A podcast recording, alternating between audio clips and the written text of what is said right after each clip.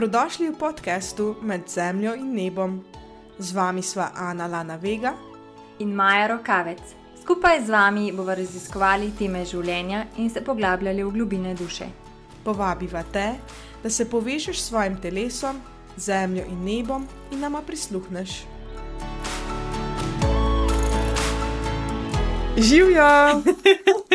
Zdravo! Danes je z mano Sabrina, zelo nasmejano dekle, um, s katero smo se spoznali skoraj da po naključju in na to ugotovili, da imamo veliko, veliko skupnih uh, interesov in uh, možnih tem za pogovor. Zato sem jim povabila v podcast in uh, živijo, dobrodošla. ja, hvala, Ana. Jaz sem vesela, da sem tukaj, tako da se fulj veselim. En, uh, Lepo zdrav sem, ki poslušajo. Tako. Super. Um, ja, v bistvu, da, da povem malo backstory. Za Sabrino sem zvedla prek uh, Jasmine, ki je bila tudi v tem mhm. podkastu, mislim, da ne tri epizode nazaj.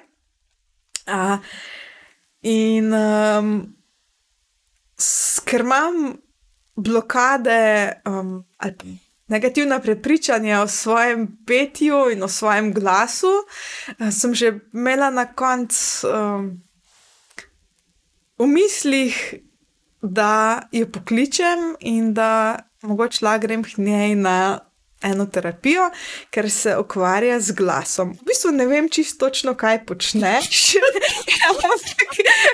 ampak.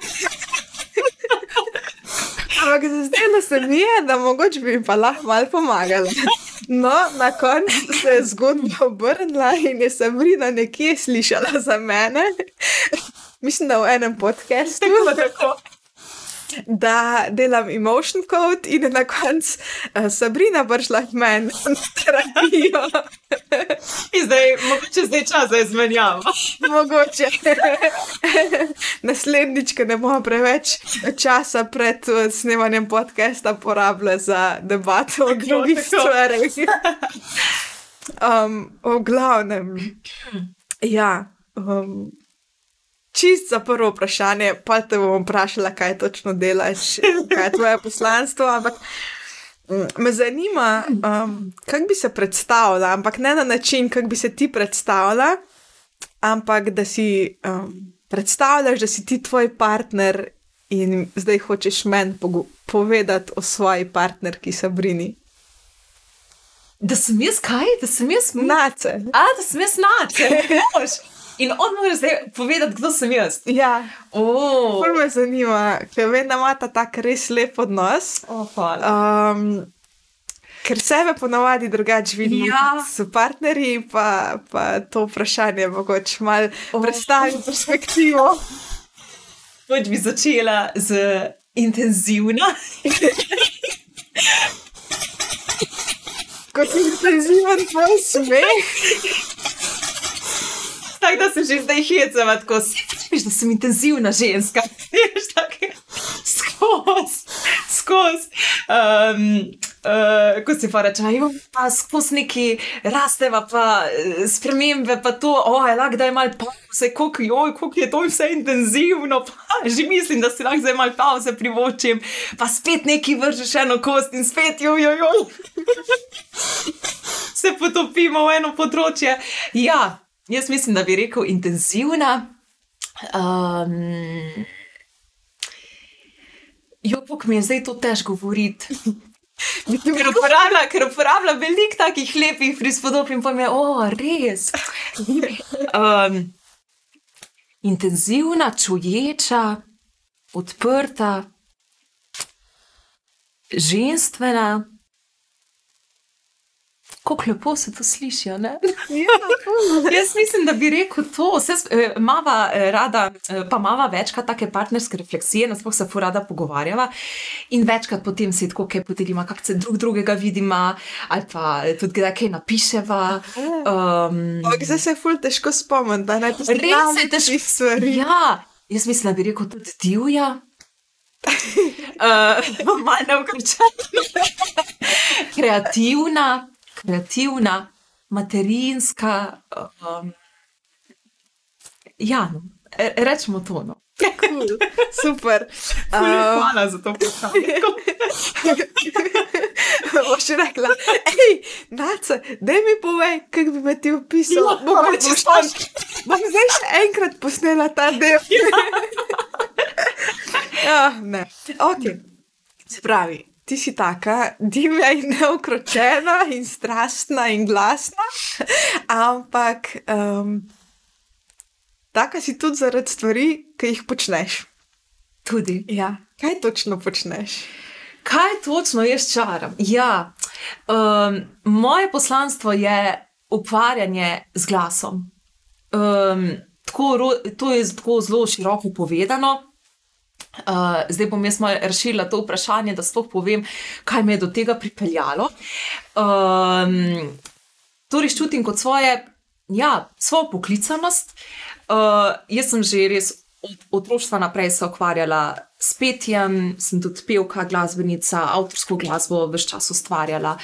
Uh, na različnih festivalih bila, um, ni da ni nastopala, prepela, um, imela tudi svoje koncerte, že tako v, v, v dosti mladih letih in tako uh, na televizijskih podajah, radijskih. Res enostavno ta nek medijski glasbeni svet me spremlja že od.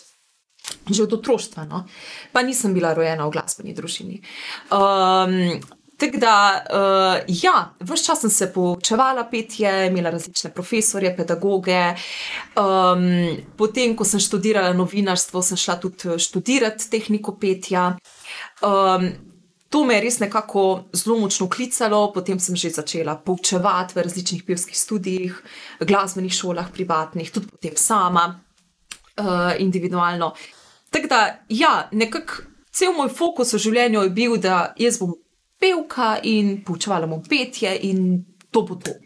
Tako, res sem vedela, kaj si želim. Um, do takrat, ko se je začela ta moja filozofija malo podirati, bom tako rekla, ko uh, sem ja, se spoznala z ljudmi, oziroma so začeli prihajati do mene ljudje, ki so rekli: Veš, kaj Sabrina, jaz pa nisem ko pevec, ne bi rad prišel k tebi na uro solo petja, ampak čutim pa, da tukaj, tukaj nekaj. Tukaj nekaj je, a ne, nekaj sem zablokiran na tem svojem področju izražanja, ne steče mi, ali ko se moram postaviti za sebe, zgubim glas, ali pa um, zakaj sem jaz tako tih, ali pa um, ne, tako enih različnih aspektov, in če jim jaz lahko pomagam. In jaz sem se takrat počutila, ama res največja luzerka, ker sem tako se usedla sama s sabo in sem bila, jaz nekaj študirala, poučevala, vse to že leta in kaj me nuca, če jaz navadnemu človeku ne znam pomagati. Ne nekemu profi pevcu, igravcu, govorniku, a ne, kar sem delala. Da jaz navadnemu človeku ne znam pomagati na tem področju, bi mu jaz lahko to pomagala. In to je bil en tak klik, en velik prelom, da sem jaz začela uh, svojo to filozofijo, vedenje, kar sem jaz vedela o glasu kot inštrumentu uh, in vse te tehnično, um, tehnične pravilnosti, nepravilnosti, da sem jaz to obrnila na glavo in se začela poglabljati samo v človeka. In zakaj, imam, zakaj imamo res glas, kot ga imamo? Zakaj se izražamo, kot se izražamo? Zakaj reagiramo, kot reagiramo? Um, kako živimo na drugih plateh svojega življenja, kako stopamo v odnose, um, kaj, kako se takrat spet odzovemo. To je vse izražanje. In glas ni samo petje, govorjenje, ampak je cel naš kompleten spektr, fizično zdravje, duševno zdravje, um, psihično zdravje. In sem, se v, in sem res se vrgla v to eno tako raziskovanje, ker jaz osebno sem tudi čutila, kako sem bila prikrajšana za to. Ženske imamo menstrualni cikl, kakšen je takrat glas, ne, ne moš to ignorirati. Se pravi, videla sem, koliko aspektov sem tudi jaz ignorirala, bila sama ignorirana in bila odrezana od tega.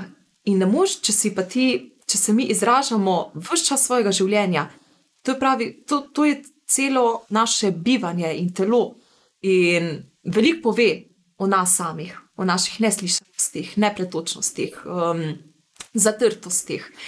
Uh, tako da, ja, no, to me je poneslo v ta uh, svet, ki ga jaz tudi zelo težko opišem, ker je res tako kompleksen. Tak da začela sem potem tudi s svojimi delavnicami in so bile zelo dobro sprejete, zelo obiskane. Individualno sem začela potem delati uh, na tem področju. Um, Res nekih seans, bolj individualnih, niti ne ursolo petja. In zdaj, res, ko se vračam po porodniški, um, sem pa tudi se odločila, da ne bom več poučevala petja kot petja in tako govora kot govora, ampak res samo še. Ja, z nekim terapevtskim pristopom eh, delam. No. Uh, s čist navadnimi ljudmi in s tistimi, ki uh, so začutili, da ni tehnika vse. Ne. Ker zanimivo, koliko pevcev je tudi prišlo do mene in so rekli: Veš, kaj jaz čutim, da vem vse, ampak ni to vse.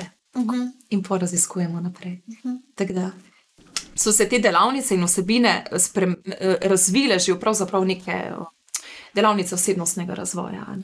izražanja v življenju um, in delovanja. Tako da glas je pa sam kanal, s katerim jaz delam, ker je to urodje, s katerim se vsi rodimo. In nič drugega ne rabimo, nobene druge tehnike. Glas nam pokaže, kje smo ta trenutek v življenju. Če smo bili povezani s seboj ja, in z njim, ja. in ga znamo tudi uporabiti na primeren način. Tako, tako. Tako da zelo na grobo je to opisano. Super. Um, v bistvu, zdaj, ko si to pripovedovala in ste mogoče malo le pustili na besedi, ja. drugače, na, na, na, na, na, na, na, veliko prosti. Ne, se pravi. Uh, veš, kaj pravijo? Da dober intervju je tisti, v katerem full več govori tisti, ki je spraševan. Ne pa, ne ne pa tisti, ki sprašuje. No, ja, ja, ja. Novinar, tvojite, full veš. Uh, ampak sem edina tri vprašanja, ki sem imela za tebe, si mi že vsa odgovorila. Ja. Teda, zdaj si moram sproti mišljati nova. Um, ja, no v tem tvojem pripovedovanju sem videl, da si res strastna pripovedovalka, pa, pa to nimamo vsi tega. Ampak me zanima, a veš, a je to, a si to ti pridobila? S časom, ko si uh -huh. tudi mhm. svoj glas toliko raziskovala, uh -huh. da zdaj znaš to uporabiti, um, to vso barvito svojega glasu, ja, ton, ja, ja. tišino, um, glasnost uh, in vse pač te nianse glasu.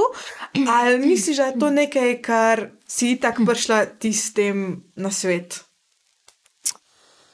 Um, ja, kako zanimivo vprašanje. Jaz vedno sem tako dinamična in krilim še zraven z rokami. Jaz pripovedujem v živo, slikam to platno zvočnosti.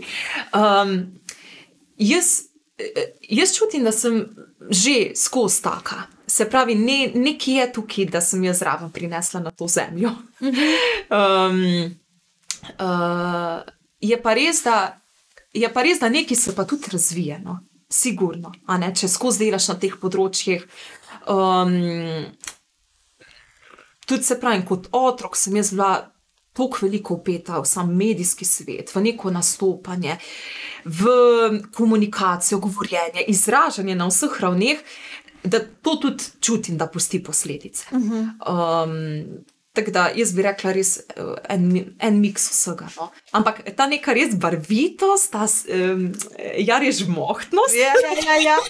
v govorjenju, um, to pa ne vem, če se da naučiti. Da, um, to pa je nekaj, kar, kar sem jaz, nekaj, kak, kak jaz tudi živim. Uh -huh. uh, Uh, se pravi, v bistvu. Tako da mislim, da čist pride moj, bom rekla, ej, temperament. Tvoje to, iskrca, ja, ki jo sprostiš ven v svet z vsem, kar znaš. Ja, ja recimo tako. In v bistvu, zdaj, če to povežemo, ne, to tudi pomagaš svojim strankam, da vse tisto, kar imajo vse.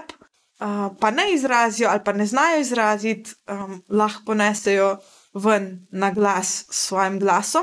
Um, jaz sem namreč, um, v, ko sem bila stara pet let, imeli, sem hodila v glasbeno šolo in takrat mi je zborovodkinja rekla, da za ta nastop pač.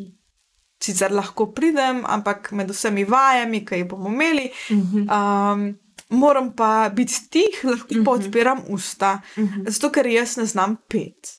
In potem sem sicer čez čas um, velikrat slišala, da petje se da naučiti, da uh, vse to pač ni ravno res, da zdaj jaz pa kar ne bi znala pet, ampak ta občutek, ta blokada, prepreka, karkoli je ostalo v meni. Um, in zdaj se sprašujem, ko tebe pač gledam in poslušam, um, ker jaz govorim rada, seveda mi moj glas, valjda, ni najbolj všeč. pa vem, da nisem edina. Pa se mi zdi, da izražati se kar znam, pa znam povedati tisto, kar si želim, ali kar imamo v svojih mislih. Ni tako, da bi imela to, ampak mogoče način, na kjer ga povem, ali pa to barvitost, ko imaš ti vse, pa tako, oh, oh, oh.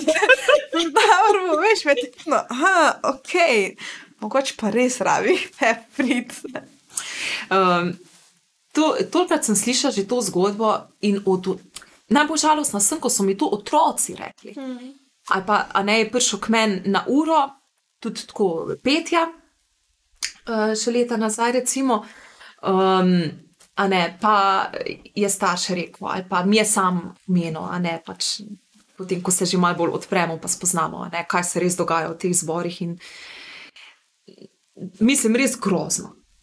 Tak, um, bom rekla, pa niti ne to, eh, posluh se res da natrenirati. To se da. Res je, to mogoče mi zamenjujemo. To ne pomeni, da vsak bo postal pevec. Seveda. A ne, to tak, um, a ne, se pravi, niti ne gre se uh, o vprašanju, ali znaš pet ali ne znaš pet, ampak uh, mi mogoče to ponotranjimo tako, a jaz a sem zdaj dovolj dober za pevca, a ne, tako, to, pa, to pa je tu razlika, zdaj, a bo nekdo. Profi, pevec ali pa neki, ali pa pač sam pev za dušo. Ja. Ima, in mi tega ne ločimo, in kar večemo v on koš, ja, ti nisi dovolj dober za, ne vem, oder. Ali pa, ta, ne vem, tako imamo neko, neko tako čudno misel.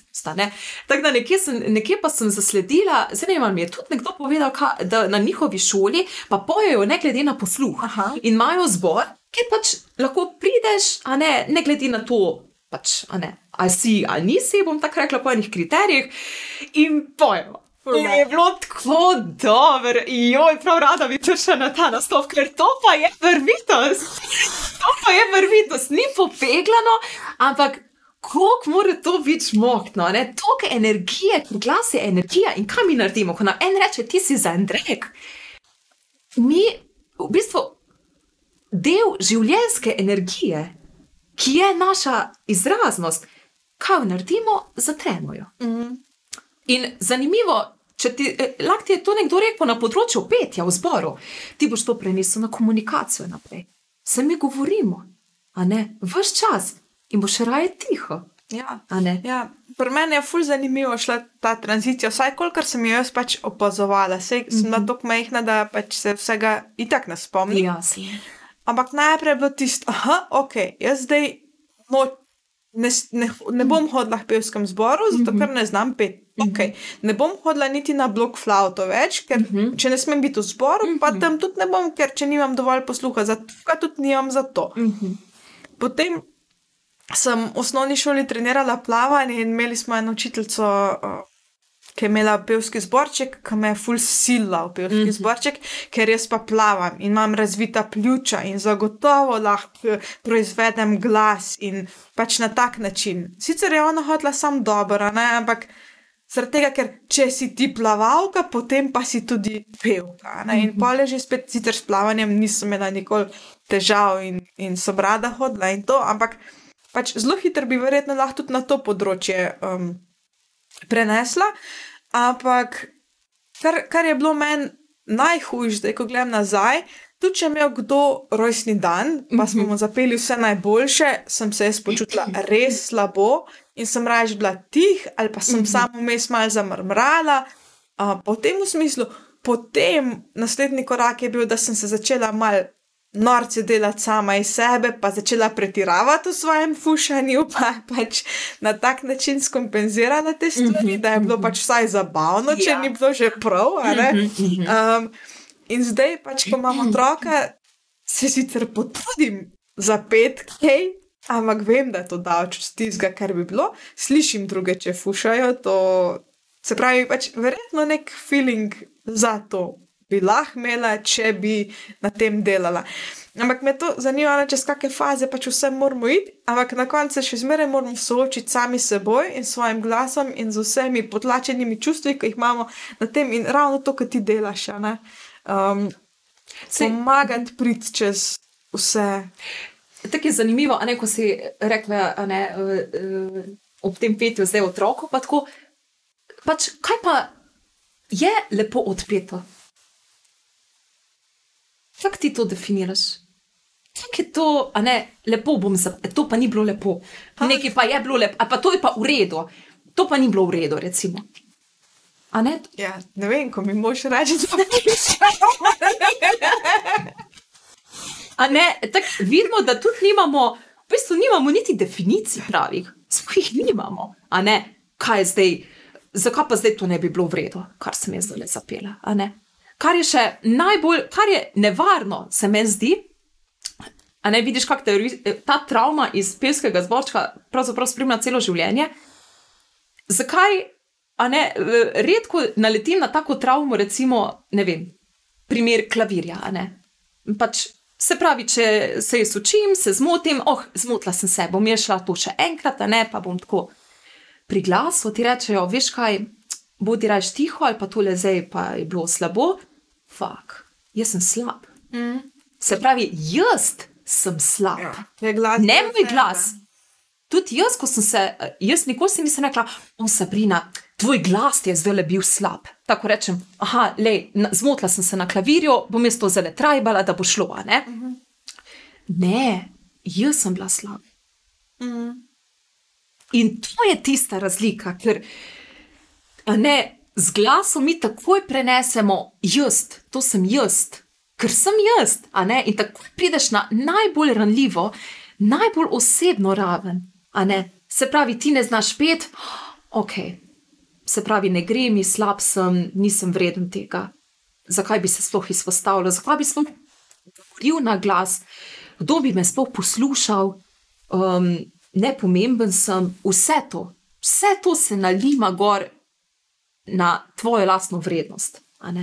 In to je, to te potem spremlja ne na petju, ampak naprej. Mm. Ti greš v odnose, ti greš v službe, se tam postavljaš, krojiš komunikacijo s sodelavci, z nekom, ki ti je ljub, ki ti ni ljub, eh, iščeš svojo vrednost. Um, vse to je izražanje in takrat pride to spet, aha, kaj boš ti se kar neki, kar ti govoriš, kar ti poješ, karkoli. In kaj se naredi? No, na srečo jaz s tem nimam nekih težav. Se mi zdi, da se kar. Da ja, ampak veš, mogoče, tem, mogoče pa fora samo to, da imajo pa drugi toliko več težav s svojim glasom, kot jih imam jaz. In da se še zmeraj kar v redu napravim. Um, ja, pač to postaviti za sebe v kakršnih koli okoliščinah. Ali pa sploh pa, ko imaš otroke za njih. Mm -hmm. To na srečo ni bil nikoli problem. Ampak se Tudi mi da. komunikacija družine, a ne? to je zelo zanimivo. Mm, Mm, glasilk, mislim, uh, glas, kot ga imamo, uh, ni kar tako, pač tak je. Uh, tako da jaz na to gledam drugače, ne gledam to, da glasilka je neka mišica na bil, da ti moramo, ali pa a ne sploh tako, če, če si res nek pevec ali karkoli. Ampak način, kako sem jaz tudi. Um, um, bom rekla, prejemala zvoke, komunikacijo v maternico, recimo od mojih staršev, način, kako sem bila jaz vzgajena, od, kako sem odraščala, kako se je izražalo v naši družini, kakšen je bil partnerski odnos mojih staršev, vse to vpliva tudi na glas, kakršnega imam. To je fulj zanimiv videti, ko pridajo kakšni ljudje v zrelih letih a ne, k meni. Um, in potem to raziskujemo. Ker en lahko ima celo življenje šiba glas, pa pač, pač zakaj? Zakaj? mm, Ni to vse sam neka mišica, krtko. Je to en sistem vzorcu, tudi katerih si rasel. In komunikacija in izražanje, ki je vplival na tebe, da si se tudi ti tako prilagodil, da se je tvoje telo tako prilagodilo, da je ustvarilo takšne vibracije, da pač imaš takšen glas. Tako da, ful, ful je to velik enega globljega poglabljanja, če želiš. Ja, mogoče malo bolj to celostno razumeti. a ne. Ej, prej, Sorry, tako sem te prekinil. Je vse v redu. Um, super, uh, intermezzo. Um, prej sma, sem rekla, da zdaj se potrudim s svojim otrokom zapeti, pa zakaj, zakaj kaj ne bi bilo lepo, pa kaj je lepo, pa kakšne imamo te um, standarde ali pa pravila, ocenjevalno lestvico, ja. kaj je lepo, kaj ni. Ja, naprimer, tudi to, ne, tako kot se z možem kdaj pogovarjamo, pač jaz si ne želim, da bi moja otroka čula mene fušati, ker potem se bo ona dva tudi narobe pol naučila pet. A veš, kaj mislim? Ne, Pač ne, ne. Zakaj? eno vem, zato ko bo ta narobe čula, pa bo ta pol narobe vedela. Ne, J, otroci se to. Mi mislimo, kako se oni učijo, oni se čisto po svoje učijo. Ne, to te naj ne, to te naj ne bo strah. Um, razen če bi jih ti posedla na stol in rekla, veste, kaj se me, vi tule poslušate eno uro tale ton in ga ponavljate za mano. Potem bi rekla, da uh, bi to mogoče kaj vplivalo. Uh, ne, drugače pa, drugače pa ne. Tok enim, tok enim uh, raznobarnim uh, zvokom uh, uh, smo vsak dan izpostavljeni, da mislim, da ni to tako enostavno. Ali pa da se ne rabi to tako sekirati. Okay, Ja, tako da eh, kvečemo, kvečemo je ful zdravo, ker bo ta ona dva začutila, wow, koliko je mami lahkotna v tem, kar je in v tem, kako živi, kako se izraža. Radost bo ta tudi čutila. Oglej, a ne, pač koliko koliko lepa energija prihaja od tukaj. Pač ja, Ni, pr, Eh, uh, ni otrok- ve, da ni perfekt, ampak Se- vse to naredi, ki je joy. za otroka je perfekt. Kaj je on, mi se naučimo, kaj je prve, kaj ni, kaj je lepo, kaj ni. Samo ona ne ve, da to ni lepo. Ona da bo ta, se ne bo že ju. Bo ta pela tam, kaj pa ni obega, kjer ton je to. Njih briga ju, če sta preglasna, če sta pretiha. A ne to vidimo tudi v zborih, ko kak potem ful seka ven. Kot da ima svoj solo, a ne. Pa mu pa tako, da je pa bolj potiho, da se vsi zlijemo skupaj. Vse, a ne njemu je tako, hej, a ne, pač to je čist, um, to je en tak drug radostni pretok in otrok to gre za tem, drugače živi, ni v škatlicah, mi ga poj spravimo, ker smo v mitku, v škatlah. Kak mora biti, pa kaj ne, a ne. Tako da verjemi, da nima boš več dala s tem. Zdaj si mi dala misel. um, Mi mu pol povemo, da to pa ni bilo vredno, pa imaš si sedel na uho preveč svoj teti tam s tem rojstnim dnevom, vsak ne. Ali pa, ali pa preveč si podaljšal on ton, pa vsi so že prekončali, pa so sam tebe poslušali. Pol mu ti poveš, da nekaj ni bilo vredno. ne. Zakaj pa ni bilo vredno, če sem jaz užival pri tem, pa a ne, a ni bilo lepo. pa tako. To so čist drugi kriteriji. In a veš, s kakimi drobnimi nijansami se začne ja, zatiranje tega, kar mi izražamo. ja, ko v bistvu sam, Navadim se najboljše. ja, pa ko hočemo sam najboljš, da bi oni znali najbolj zapet. Ja. Ja. In se to v bistvu čisto na vseh drugih področjih isto. Jaz sem imela problem, ker sem bila res toliko v teh pevskih um, ne, tehnikah in tako in tako, da navaden vse najboljše na rojstnem dnevu je meni predstavljal tako ogromen stres. Ker sem jaz bila, tako sem se postavila v neko pevsko držo, zdaj mora biti to maksimalno lepo. In maksimalno se jaz moram potruditi zdaj, nič ne smem mimo, nič ne smem, čist popekano, kot da sem res na enem koncertu, pa sem sam pela izmed eh, 30 množic, ja, ne. Ampak res sem začela opazovati, oh, wow, kako se zakrčim, kako pridem v nekaj, kar meni ni naravno, zakaj jaz ne zmorem več sproščeno zapet. Mm. Sem bila pa determinirana, oziroma eh, bom rekla, poškodovana na drugem področju spet. Mm -hmm. Ful je to res, um, da sem se začela res pol sama sebe, pa briga me, pa če, kaj pa če fušnem. mm. Pa če je nekaj čudno. ne. Um, Tako da, ja, no. Ja, tudi to, a ne, kak v bistvu se hitro postavimo v vlogo, da moramo nekaj dovolj lepo Ja, zapeti, tako. da bo Tako. to za druge ok. Ja, tako, da bo dobro sprejeto. Ja, da bo dobro sprejeto. Tako. So to čist drugi vzorci zdaj. To je isto tudi, uh, mogoče je malo druga tema, ampak niti ne, da bo dobro sprejeto. Zato se nam tudi glasilke in pritisk, ki gre na nje, a ne in potem se, a ne, čist fizikalno, ko pol nastane zvok, glas, kakorkoli s temi vibracijami, ustvari v komunikaciji družine. Jaz nikoli ne bom pozabila primera ene punčke, ki je prišla k meni. Um, mama jo je pripeljala, uh, če se prav spomnim, zaradi tega, ker je preveč kričala. Oz- Oziroma v tem smislu, da skozi upije, da je to njena komunikacija. Ne? Um, pa se ne malo to, ne vem, začetek osnovne šole, kaj takšnega. No? In smo uh, naredili tako barvito uh, uro z igrami, in to in sem res opazovala njen zvok. In za otroke je tako res ful drugačen, ful dober delati, ker so. Mm, Ne obsojajo, ni jim čudno, njim je samo zabavno, mm. kaj dobro, zdaj bomo neki no, zdaj se delamo, da smo žalostni, zdaj se delamo, da so to, juhu, ne, in, in raziskujejo s tabo, ne, nič jim ni čudno. Eh, Razen če je starš zraven, pa te starš čudno gleda, pa pol otrok starš, zdaj moja mama čudno gleda, se pravi, to je nekaj čudnega. Ne? Ja, ne, ja, nisi več Ja, Kako se bo to ja, prenese. ne. Um, in enostavno smo prišli tudi potem, ko sem se s staršem pogovarjala, da pač oni doma tako komunicirajo. Uh -huh. In se pravi, ne glede na to, da smo se mi dve s punčko čist. Uh, uh, različna čustvena stanja smo takrat barvali in smo se igrali tako zanimive uh, uh, vokalne igre. In sem videla, ne glede na to, ali je ona žalostna, ali je vesela, ali je navdušena, ali je razburjena, ali je mirna.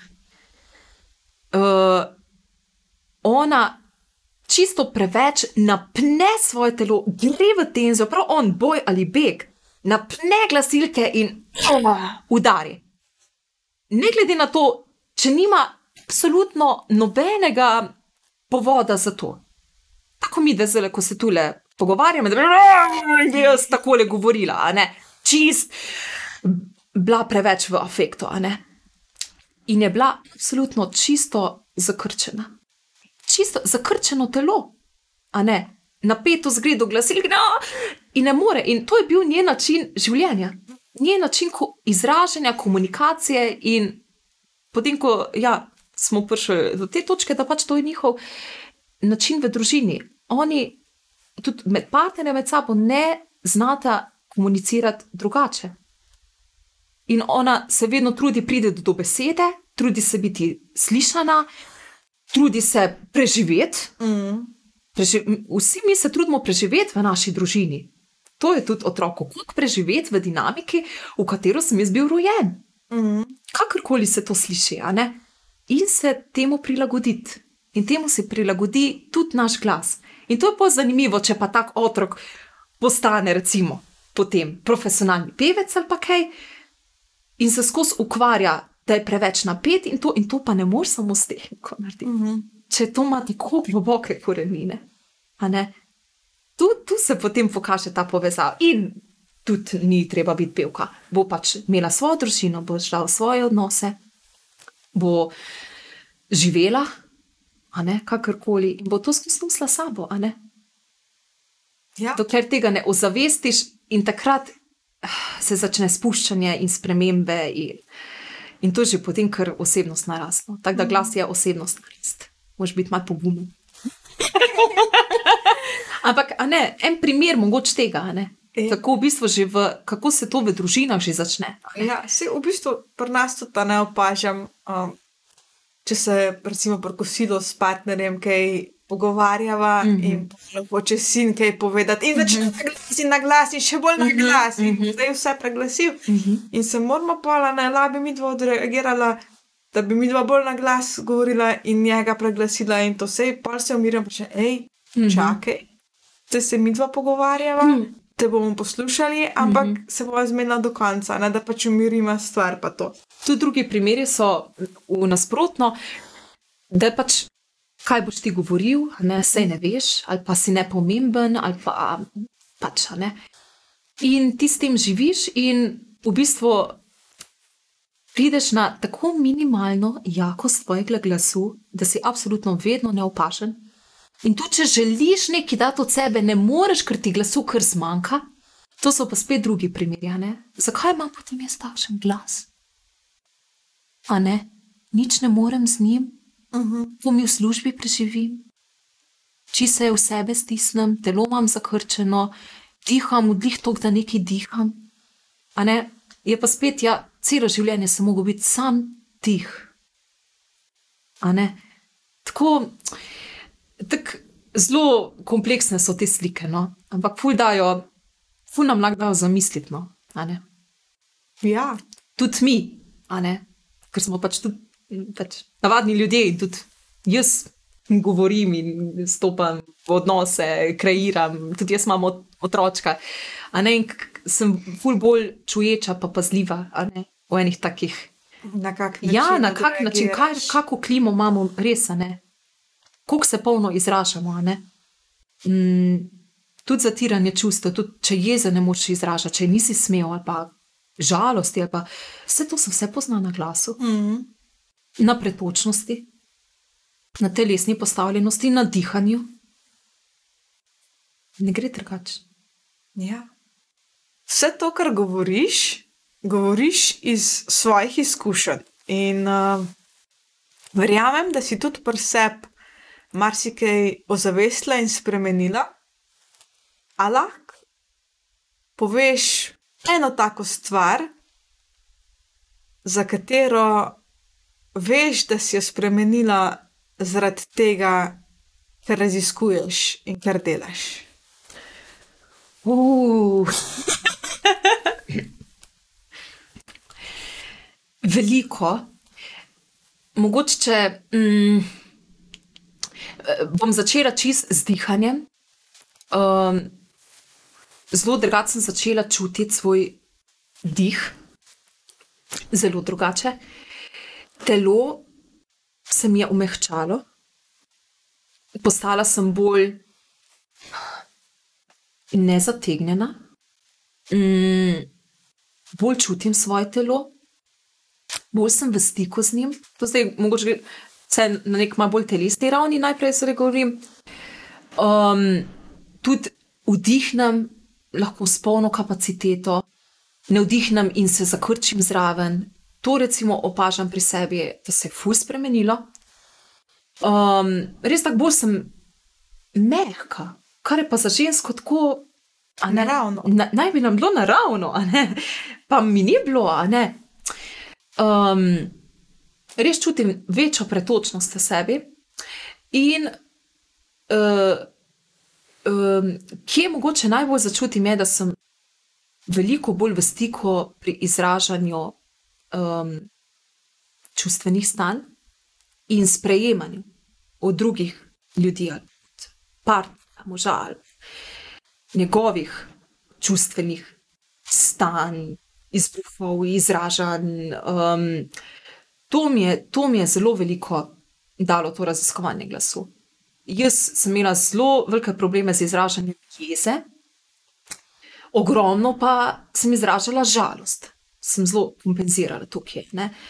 Um, in sem ful velik z glasom to raziskovala.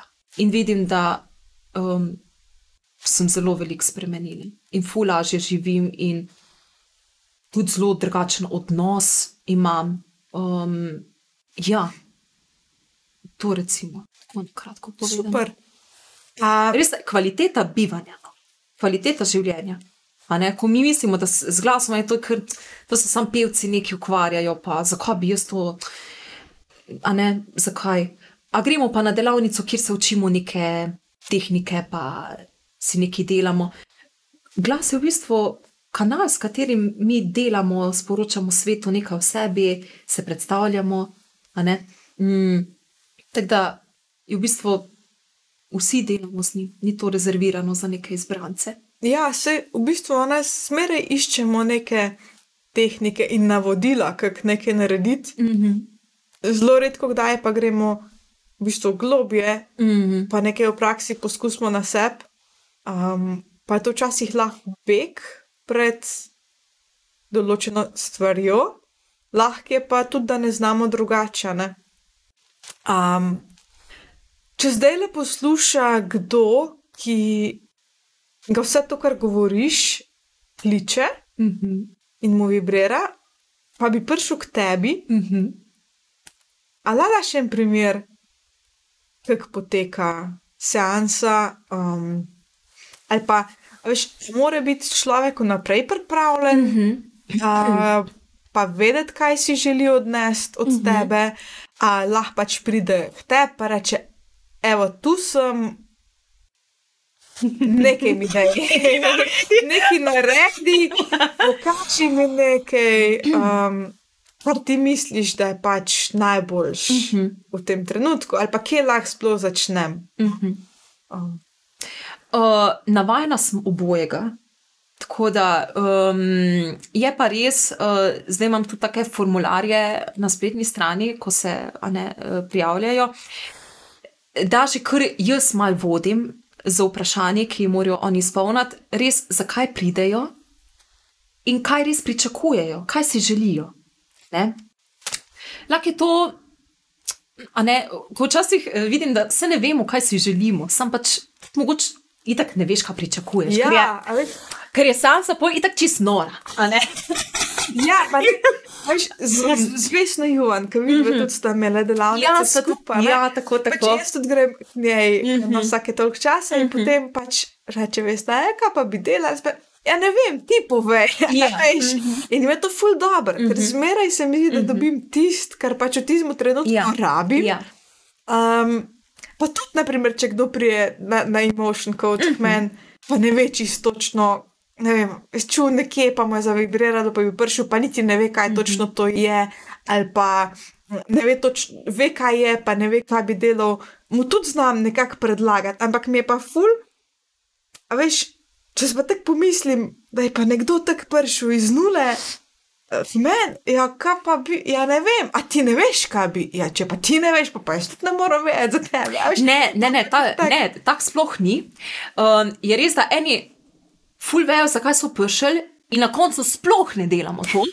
Delamo čist druga, ker se veš, kaj mi razumsko mislimo, zakaj smo prišli. Ja. Um, tako da, v bistvu, ja, imam celo rada tako, da, da ni uh, nekih zacementiranih ne, uh, misli, zakaj so zdaj tam, ker itak samo telo pokaže in sam glas pokaže. Se pa vedno pogovorimo, kak, kje so trenutno v življenju, a ne sam se tudi sestavljena iz nekaj pogovora, ne, uh, kakšne odnose imajo, kakšno kvaliteto bivanja, kako čutijo svoje telo. Uh, in iz tega ven, verjemi se, že eno celo more odpreti. Če prije nekdo, gledaj, partnerstvo imam, a ne, zelo slabo, nisem nezadovoljen, um, utrujen, izčrpan, uh, odrezan od telesa. Škop je že to enega materijala, kje sploh štartati, ne. Um, Tako da, ja, mm, ni, to, ni to pogoj. Je pa res, da uh, ko, fajn pa je razmisliti, res, kaj me je pa vsaj poklicalo. To, kaj me je poklicalo, da sem prišel. Ali je to, ne vem, jaz kot človek, ki to dela, ali pač mm, zanimivo mi je, ali mm, želim si kva- kvalitetnejše življenje, uh, ali pa nekaj mi ne steče, pol pa v bistvu mi raziskujemo dalje skupaj ne. in vodim skozi procese. Ja. E, in kaj, bi rekla, da po eni tvoji seansi um, človek, ki prije tebi, odnese? A veš, Um, je odvisno. To je ful odvisno. To mi je kar težko zdaj odgovoriti, ampak kar pa vidim, da pa vse je, um, je pa neko zavedanje svojih potencialov. Um, Drznem si reči tudi opolnomočenost in boljše čutenje telesa in stanja, v katerem se trenutno jaz zdaj nahajam v življenju, in ok, kaj lahko jaz spremenim. Tako vedno, to pa res nekako vedno pridemo, vsaj do enega vzroka, zakaj sem tukaj, kjer sem, zakaj se počutim tako, kot sem, se odprejo naprej poti, tako da če ne druga, eno ful dobro izhodišče no, uh -huh. za karkoli potem naprej. no. Za samo opazovanje, neko Ja. polnomočenje, pa v bistvu Ja, ja, jaz- zavedanje situacije. Jaz čutim to in uh, zelo velikrat en velik mir. No? Uh -huh.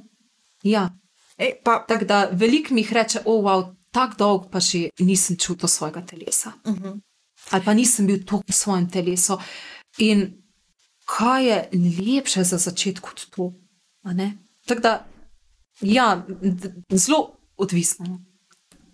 Se pravi, neke spremembe že vidiš po eni seansi, verjetno je teh sprememb še več in še bolj v globine greš, gresta, če jih je več. Um, pa bi lahko rekla, da je zdaj neko priporočljivo število, kolikrat naj ena oseba te prije, ali pa um, pač po koliko časa dejansko vidiš neke večje spremembe. Um, Vse vem, da je to odvisno od človeka, pa od njegovih težav, izzivov, ki jih ima v življenju, zdaj ali to ne vem, zakrčenost hrbtenice ali pa neka problem s glasom v službi, je to lahko zelo, zelo, zelo različno. Ampak tak, um, tvoji občutki ob tem, kaj ljudje, ki pridejo k tebi, doživljajo skozi cel proces in spremembe, ki se jim dogajajo. Um, Ful, lepo si zdaj omenila. To moram res povedati, da tako različno pridejo ljudje. Eni res pridejo zaradi fizične bolečine, eni pridejo, ker so, ja, imajo trenutno nizko kvaliteto, pa zadovoljstvo v življenju, eni imajo slabe odnose, eni čutijo, ja, da njihovo izražanje ali pa posta, čustvena postavljenost ni dobra, ali pa jih karkoli druga pokliče, a ne? Ni. Pa je glas samo pač neko urodje, nekatere pokliče res samo glas. Tako da to je zelo zanimivo uh, in barvito. Jaz nikoli ne žugam, kolikrat mora nekdo priti, zaradi tega, ker je to tudi proces, ker sansa vedno odpre. Jaz vedno rečem, delavnica se vedno začne po delavnici. In uh, neko delo, ali pa marsikaj se bo odprlo šele takrat, ko bomo smidva rekla adijo, a ne, fajn bodite. Um, takrat se začne proces, ker se takrat v človeku nekaj tudi sproži. Ne? Mi posrkamo, kako lahko v tisti uri, uri pa pol, recimo, kot jaz delam, pa pa pač se dogaja naprej. Ko mi spet pridemo domov v svoje okolje, se nam začne šiftati. Uh, tako da včasih, ampak to so redki primeri, da so prišli samo enkrat. Um, pa so mi javili čez nekaj časa tudi lahko, da koliko jim je dalo, pa da koliko še opažajo. Ker eni rabijo mogoče malo. Eni rabijo samo, aha, ok, to sem zdaj videl, to sem si zdaj, bom rekla, um, razpotegnil tepih. Bi jaz rekla po domači, zdaj vidim, kaj je tukaj gor, zdaj pa jaz naprej raziskoval, pa še kaj druga probo, pa tako. Um, sem pa imela tudi takšne, ko so parkrat prišli, ali pa celo, da so več let sodelovali z mano. Ne vem, na mesec ali pa na par tednov, nekateri celo, ti so bili res najbolj intenzivni, da so vsak teden prišli. Um, ni pa to tako namenjeno, da, ne, da zdaj pa ti moreš, ali pa neka, da te jaz vežem na sebe, ali daleč od tega. Ne, ni to. Jaz si jih drugače želim, jaz si želim, da te ni več nazaj.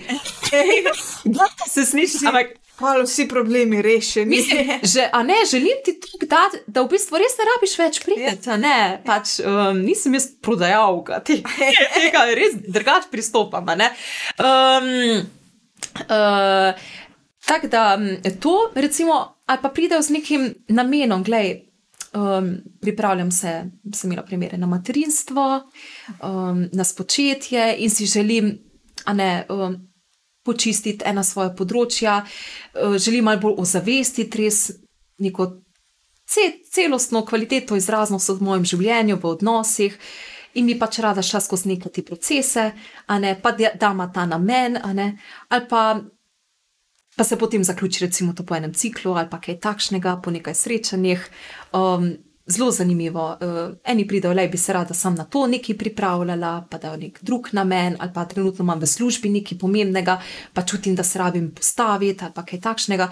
Ful, ful odvisno. Od, ja, od namena, pa tudi od odprtosti, pa kam nas vodi sam proces. ne. Tako da. Se pravi, ti ponujaš individualna srečanja, um, pa zasledila sem tudi, da zdaj pripravljaš dve delavnici. Ja, ja, v aprilu, um, ne vem zdaj, kdaj bo tale podcast prišel v svet. Um, V aprilu. v aprilu, ok, dobro, če pa lahko. To poveš, da ne bo Ne, polovina, ali ali še v aprilu. Bo v aprilu, ampak z Maja imamo tako načelo, da si ne delamo s tem uh, pritiskov, kdaj. Um, verjetno v začetku aprila, No, bo tako- polovici. A, super, ti malo na Ja, ja, ja, lahko, lahko. Uh, ja, jaz sem zdaj res uh, se vračam po porodniški, nekje. Uh, sem kar nekaj časa, mislim, da slabi dve leti, sem kar malo bolj mirovala tukaj. No. Um, sem kaj individualnega delala, um, ampak prav tako večjih delavnic, pa ne, sem zdaj full vesela, res, da lahko me spet kliče no, v svet, vmes je pač zgodilo, ne. otroček in uh, še korona in vse to, kar je bilo. Um, tako da, ja, smo že začeli, smo že imeli uh, prvo delavnico, večer zdravilnih zgodb. To so v bistvu mesečna srečanja, večerne delavnice, dve ure pa pol, um, na različne tematike. Raziskujemo potem svoje telo in svoje izražanje. Prva tema je bila ranljivost, zdaj v marcu, zdaj v aprilu bo moj notranji otrok, da, da se bomo učili zdravljenja svojega notranjega otroka, spoznavanje. Um, podali na pot raziskovanja. Uh, in so čudovite delavnice, sploh ta prva, res mi je bila krasna, lepo smo pognali to kolo, sem fulj hvaležna. E, najbolj intenzivna, ta je pa res 8-urna, bom rekla celodnevna. V dveh delih je, dvakrat po štiri ure, je pa delavnica Živim in izražam sebe v svojem polnem potencialu, uh, ki bo pa tudi aprila, uh, 15. in pa 22. zvečer, uh, od 5 do 9. Um, tako da na prvem sklopu se intenzivno ukvarjamo samo sami s sabo, na drugem sklopu pa je čisto interaktivna in delamo drug z drugim v odnosih, v interakcijah, um, čutenju drugega. Uh, tako da delamo in z dihanjem, s telesom, s čuječim gibanjem, z uh, glasovno izraznostjo, um, da pridemo v to, kar je že sam naslov delavnice, živeti in se izražati v svojem polnem potencialu, živeti opolnomočen. Ja. Kje pa so te de- delavnice? Te delavnice potekajo v Ljubljani, uh, večinoma. Včasih tudi kaj gostujem, oziroma zdaj se pogovarjamo tudi za kak drug kraj, ampak večinoma sem pa locirana v Ljubljani, uh, individualno pa tudi na Savinskem. Uh, se pravi v Savinski regiji, um, tako da se malo, se potem tudi prilagodim. Super. Ja. Um, Ali pa preko nadaljavano, tako. Aha. Ja, ja tudi, tudi tako. Ja, tudi Ja. on. Tako. cool. Um, za zaključek mi še prosim povej, kje te lahko najdemo. Um, zelo aktivna sem na Facebooku, Sabrina Janežič, um, drugače pa www.sabrina.si, zelo enostavno, samo moje mesto za um, uh, Gor je tudi res več o delavnicah, prijave. Um, in če bi še kdo kaj rad o meni izvedel, um, čistko. Ja. Tako da do, dobrodošli v mojem svetu. Sabrina, najlepša hvala za ta pogovor. Verjamem, da bo doprinos marsikateremu poslušalcu in poslušalki, da začnemo raziskovati svoj glas um, še drugače, kot smo ga do zdaj, in da ga mogoče začnemo tudi sami malo bolj mm -hmm. slišati. Um, za konec bi dala tule prostor še za eno tvojo skladbo. Um, po tvojem izboru. Krasno. Um, mogoče že veš, katera bi to bila in jo lahko napoveš. Ah, um, ne bo presenečenja. Ne, ne, živim, živim, živim. Ja, živim.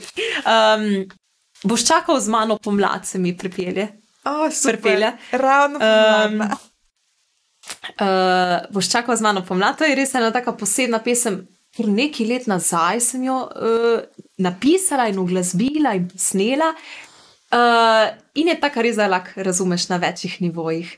Tako da uh, lepo je imeti nekoga, s katerim čakaš skupaj pomlad. Super. Hvala, hvala, hvala. Lepo se imej in tudi vsi vi, ki naj poslušate, želim vam krasen dan eh, in se slišimo spet k malu. Adijo. Hvala, adijo.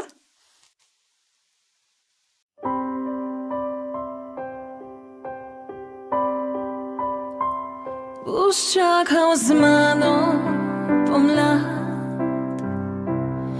če tudi zima bo pustila svoj hlad da krivam zadnjič na piratski še grad, tam poljubiva nebo.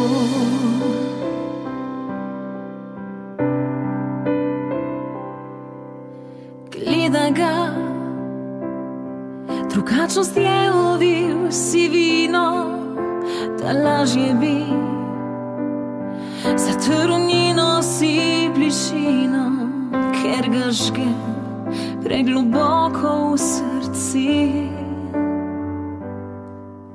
On čaka, da bi čas njegov pritekel morja, v sanjah pa še vedno risal njej obzorja, ker tako bi lažje mu bilo.